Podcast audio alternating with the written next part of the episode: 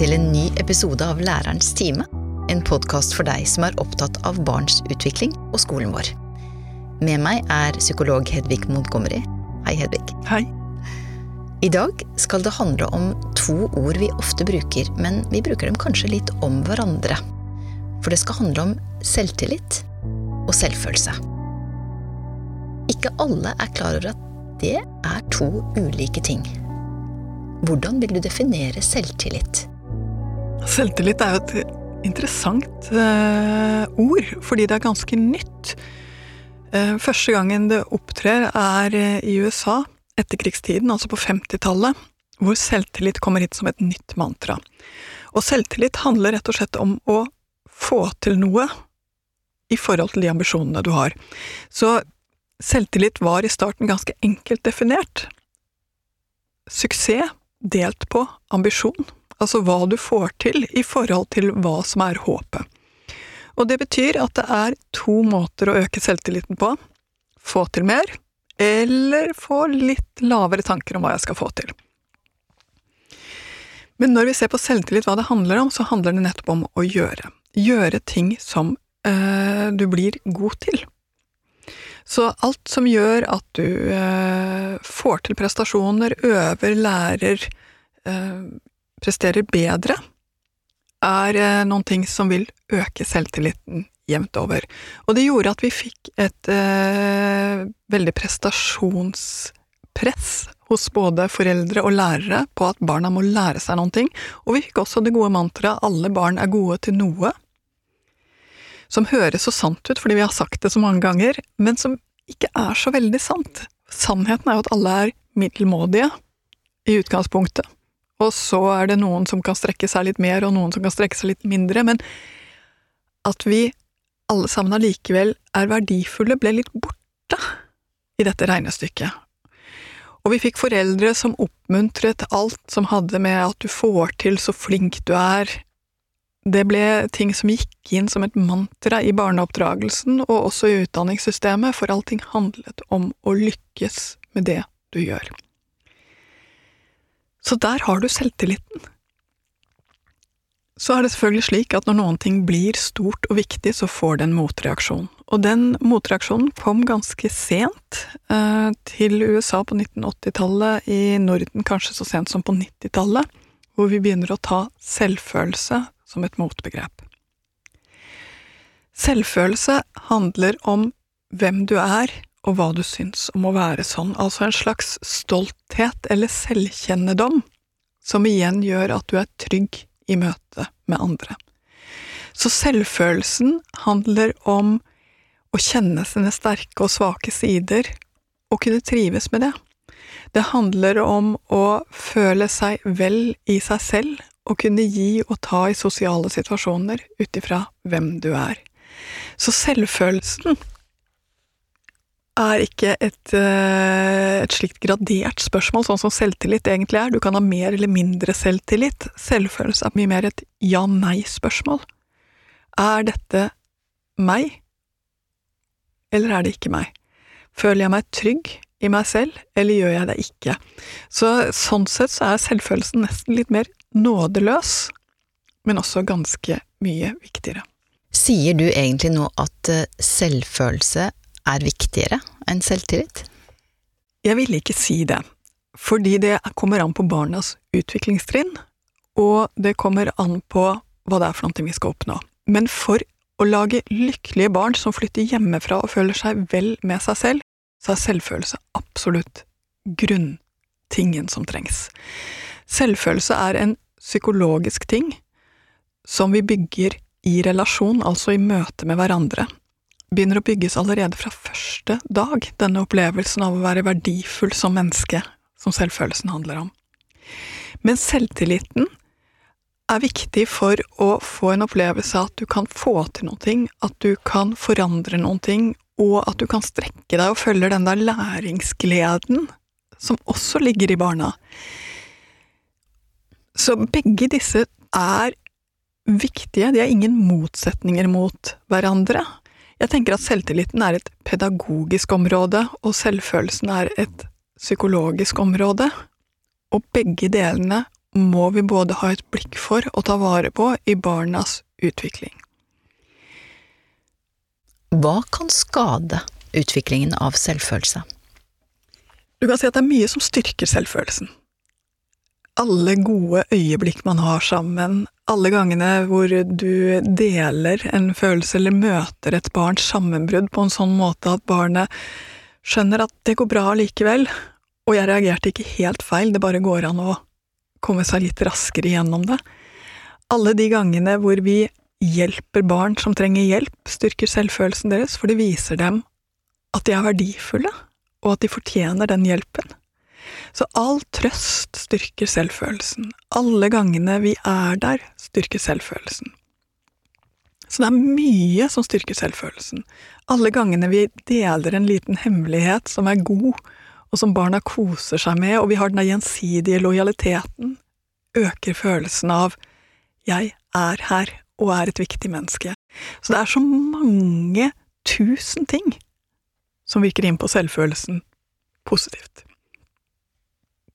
Og det handler Å bygge selvfølelse handler så mye om å være i relasjon, for det er i relasjonen at selvfølelsen bygges. Det betyr at når vi ser på hva det er for noe som bryter ned selvfølelsen, så er det mye færre ting, men det er også i relasjonen. Og den første og den største tingen som er helt ødeleggende for et barns selvfølelse, er overgrep av alle slag. Et barn som blir utsatt for seksuelle overgrep, eller som blir utsatt for fysisk straff og overgrep, eller som blir utsatt for så mye kjeft og utskjelling at de føler seg bitte små og verdiløse, altså psykisk vold, gjør at det er umulig for et barn å bygge en grunnleggende tro på seg selv. Så overgrep er den største, og det som egentlig er helt ukompatibelt med å bygge en selvfølelse. Og det gjør både at det er viktig å unngå situasjoner som kan bli overgrep for barn, men også å reparere og være med barna som har opplevd den type traumer.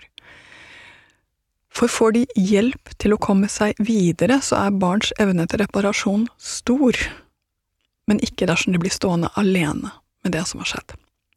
Så det er den første og den største og den mest alvorlige. Hvis jeg går videre på listen, så kommer vi inn på ting som er mindre dramatisk og kanskje litt mer ja, handler litt mer om fingerspissfølelse. Kritikk er det som klart kommer på andreplass. Fordi barn tåler dårlig å få gjentagende kritikk på hvordan de løser ting, hvem de er, eller eh, hva de gjør. Så når barn i barnehagealder får høre at de alltid er seine, eller at de alltid er klønete, at de ikke skjønner fort nok den type ting som er ganske fort gjort å si.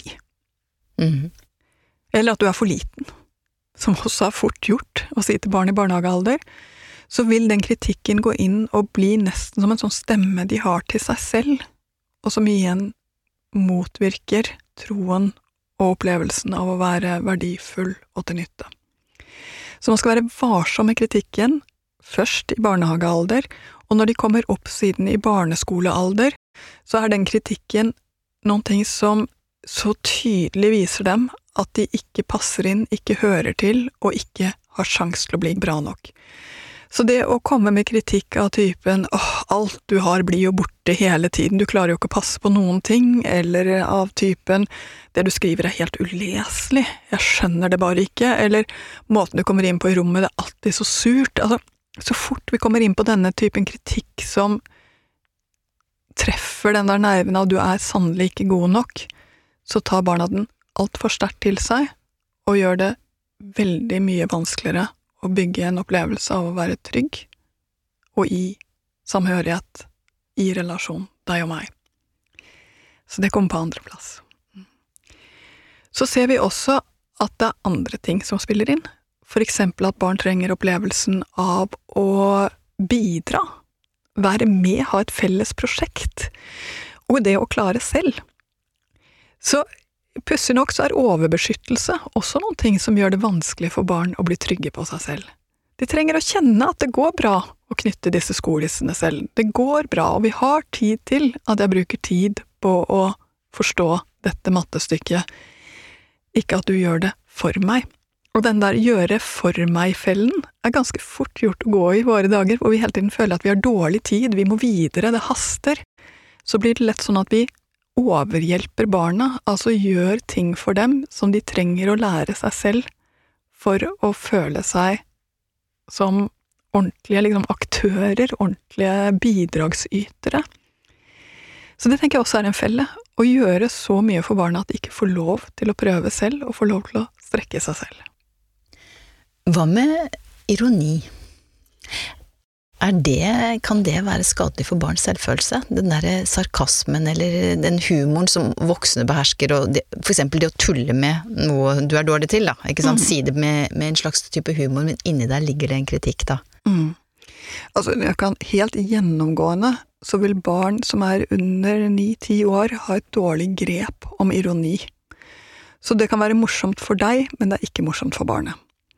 I det hele tatt så må man unngå morsomheter på bekostning av barnet for alt det er verdt. Man kan le sammen av noe der ute, men man kan ikke le av barnet. Eh, og det tror jeg er en ganske god tommelfingerregel for foreldre, men enda mer for lærere og ansatte i barnehagen. Humor som er 'Å, det var gøy når du gjorde sånn og sånn, se du tuller og har underbuksa på hodet', Eh, eller et eller annet sånt som virker litt sånn harmløst, men det blir rett og slett på bekostning av, på et eller annet tidspunkt, det bikker så fort over. Så jeg legger ofte Det er liksom der testen ligger. Er dette noe som vi ler av sammen, fordi det er noe som vi ser på sammen, eller ler jeg av deg? Og hvis det er det siste, så er det ikke gøy. Ikke for voksne, og ikke for barn. En lærer som har en klasse. Eh, her kan det være veldig flinke elever eh, som scorer høyt på alle parametere, og som, eh, som, da på en måte ikke er noe problem. de er de som gjør det godt på skolen. og da kanskje ligger utenfor fokusområdet til læreren, da, fordi man konsentrerer seg om de svake. Kan høye prestasjoner, og da høy selvtillit, skjule en lav selvfølelse? Det er et veldig godt spørsmål, og svaret på det er ja, nettopp fordi disse to tingene faktisk ikke henger sammen, og fordi barn i eh, barneskolealder er så opptatt av å lære, gjøre riktig, få til, og elsker å høre at de er flinke, at det blir bra, at dette er akkurat sånn som det skal være, så kan de til slutt rett og slett bli litt lurt inn i den der 'jeg er det jeg gjør'-fella. Og der kommer det på et eller annet tidspunkt til å krasje. Fordi vi er jo aldri bare det vi gjør. Vi er også, vi er også noe mer. Vi er de følelsene vi sitter med, vi er uttrykket vårt som handler om andre ting. Så ja, en av de tingene som førte til at vi fikk den motreaksjonen på selvtillit, var nettopp økningen av unge med depresjon som sitter og opplever at de er verdiløse når de kommer opp i uh, ungdomsskolealder, hvor de ikke får til like godt lenger. Det kan komme da, eller det kan komme senere. Så jeg tenker ofte at selvfølelsen er en slags grunnmur i det å være menneske. Det å bekrefte noen for noe mer enn det han eller hun gjør, er det som bygger denne grunnmuren i å ha mer å spille på, mer å være, en større trygghet også til å lære. Og det syns jeg også er ganske interessant, det er at selvfølelse og selvtillit kan igjen høres ut som de er motsetninger, men egentlig henger de mye mer sammen. Og spesielt i barneskolealder så ser vi at barna trenger å kjenne at de får til noen ting, og få et nikk og et smil for det, og så trenger de å høre når de blir lei seg, å bli møtt på en ålreit måte for det, eller når de blir eh, sinte for et eller annet, og få plass til det, og lære seg å håndtere det. Det å lære seg å håndtere følelsene sine, bli kjent med seg selv, uttrykke dem, gjør igjen at de lettere vil føle tryggheten som er nødvendig for å lære mer og komme enda lengre.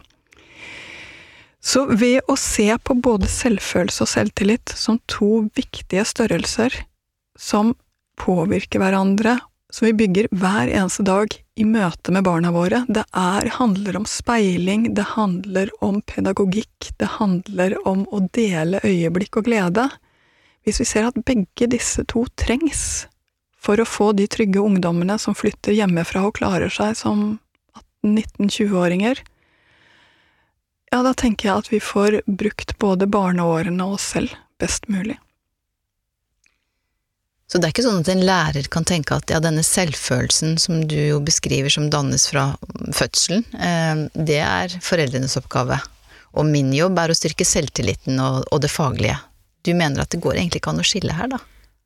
Det går ikke an å skille, fordi barna trenger også å føle seg bra nok i lærerens øyne. De trenger også å føle at uh, de blir sett på som mer enn bare den ene prestasjonen på arket. De trenger den der 'dette gjør vi sammen'-opplevelsen. Og så ser jeg også at god pedagogikk styrker både selvtillit og selvfølelse. Jeg ser at uh, lærere utvikler forskjellige måter å få til denne gruppedynamikken i klassen, hvor det blir plass til alle sammen, hvor vi aksepterer hverandre, og hvor vi løser konflikter, som igjen gjør at læringen går lettere. Jeg ser at dette er noe som skjer. Og så ser jeg også at foreldre av og til kan føle en sånn veldig skam. Fordi når vi nå har fått lære oss at selvfølelse er viktig, så vet vi også at selvfølelsesutviklingen går igjennom noen kriser. I tiårsalderen så får de ofte en liten sånn eh, sosial selvfølelseskrise. Nemlig det om noen har lyst til å være med meg, har lyst til å leke med meg, blir veldig viktig, et veldig viktig spørsmål, og hvor de blir i tvil.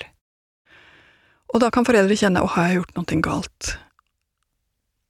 Fordi man tenker på selvfølelse som noe som bygges én gang, og så skal vare helt opp til de flytter hjemmefra. Men sånn er det ikke. Selvfølelse er ferskvare. Det bygges igjen og igjen, og styrkes igjen og igjen. Og jeg ser at spesielt kan foreldrene få panikk når vi kommer opp til tenåringsalderen, og puberteten setter inn. De mister både tilliten til om de er gode nok, om de kommer til å bli flinke nok, om de virkelig kan, fordi de blir litt fomlete og blir litt glemske. Og så i tillegg så kommer denne nødvendige tvilen om hvem er jeg, hvordan, hva slags uttrykk skal jeg ha, hvordan skal jeg kle meg, hvordan ser jeg ut? Alt dette som fører til mye titting i speilet, og også mye oppheng i små feil. Både selvtilliten og selvfølelsen går igjennom en krise ganske samtidig. Og da kan jo foreldre lett bli både skuffet over seg selv og sinte på barna, mens det det egentlig krever, er en tålmodighet og en fortsatt kontakt, som igjen styrker selvfølelsen, og som kan føre til ny læring. Læreren som da står i klasserommet og ser disse ungdommene som du beskriver nå, eh, som sliter med seg selv og sitter med hettegenseren og hetta godt trukket nedover ansiktet i klasserommet, skal de, tenker du, kommunisere med foreldrene om akkurat dette? Altså utover det faglige, men pirke borti dette med selvfølelse og den, denne utviklingen, og hvordan man kan styrke det? Jeg tror det viktigste lærerne gjør for tenåringsforeldre, er å vise frem at dette har jeg sett før, og det går bra. Jeg tror nesten dette er mer et show me, don't tell me-område enn noen ting annet, for ved at læreren tåler at elevene går igjennom dette her, og fortsetter å hjelpe dem videre, så gir også læreren noen clou til foreldrene. Dette går det an å tåle, og det går fortsatt an å hjelpe videre. Ja, det går fortsatt an å gjøre ting sammen som, eh, som barnet har glede av og nytte av. Ja, barnet sluttet kanskje med fotball så, eller et korps, eller hva det nå kan være for ting som mange gjør i denne alderen. Det går faktisk an å finne nye ting, ikke gi opp. Eh, hjelpe foreldrene til å tåle denne ganske store endringen som barna går igjennom, og fortsette å være voksen for dem. For det du har kommet tilbake til flere ganger nå, Hedvig, det er jo dette med at selvfølelse dannes i relasjon, ikke sant? Eh, er det da sånn at å styrke et barns eller en ungdoms selvfølelse, så er denne gruppen egentlig kjempeviktig? Altså enten det nå er korpset, som du sier, eller eh, fotballaget, eller altså finne en, en god gruppedynamikk som barnet kan fungere innenfor? Mange barn går igjennom perioder hvor de gir opp alle grupper, og hvor de søker seg inn i rommet, trekker ned gardinen, er under dyna. De melder seg ut. De melder seg ut. Så kommer de tilbake igjen. Og i denne perioden hvor de har søkt seg bort fra det aller meste, så er de opptatt av å finne jevnaldrende. De er opptatt av å finne noen som er skinner litt mer enn dem selv. De finnes, og de kommer til å finne dem etter hvert. Der er både foreldre og lærere veldig viktige broer ved å fortsatt være interessert, ved å fortsatt gi en hånd, ved å fortsatt sende et smil og ha noen positive forventninger til barna, vet du hva, jeg tror det kan gå. Så er vi med på å bygge den broen igjen over denne ganske vanskelige tiden som ungdomstiden kan være. Og gjennom å gjøre det, så formidler vi håp, da, til en ungdom som trenger det. Både til en ungdom og hans eller hennes foreldre, som også trenger det.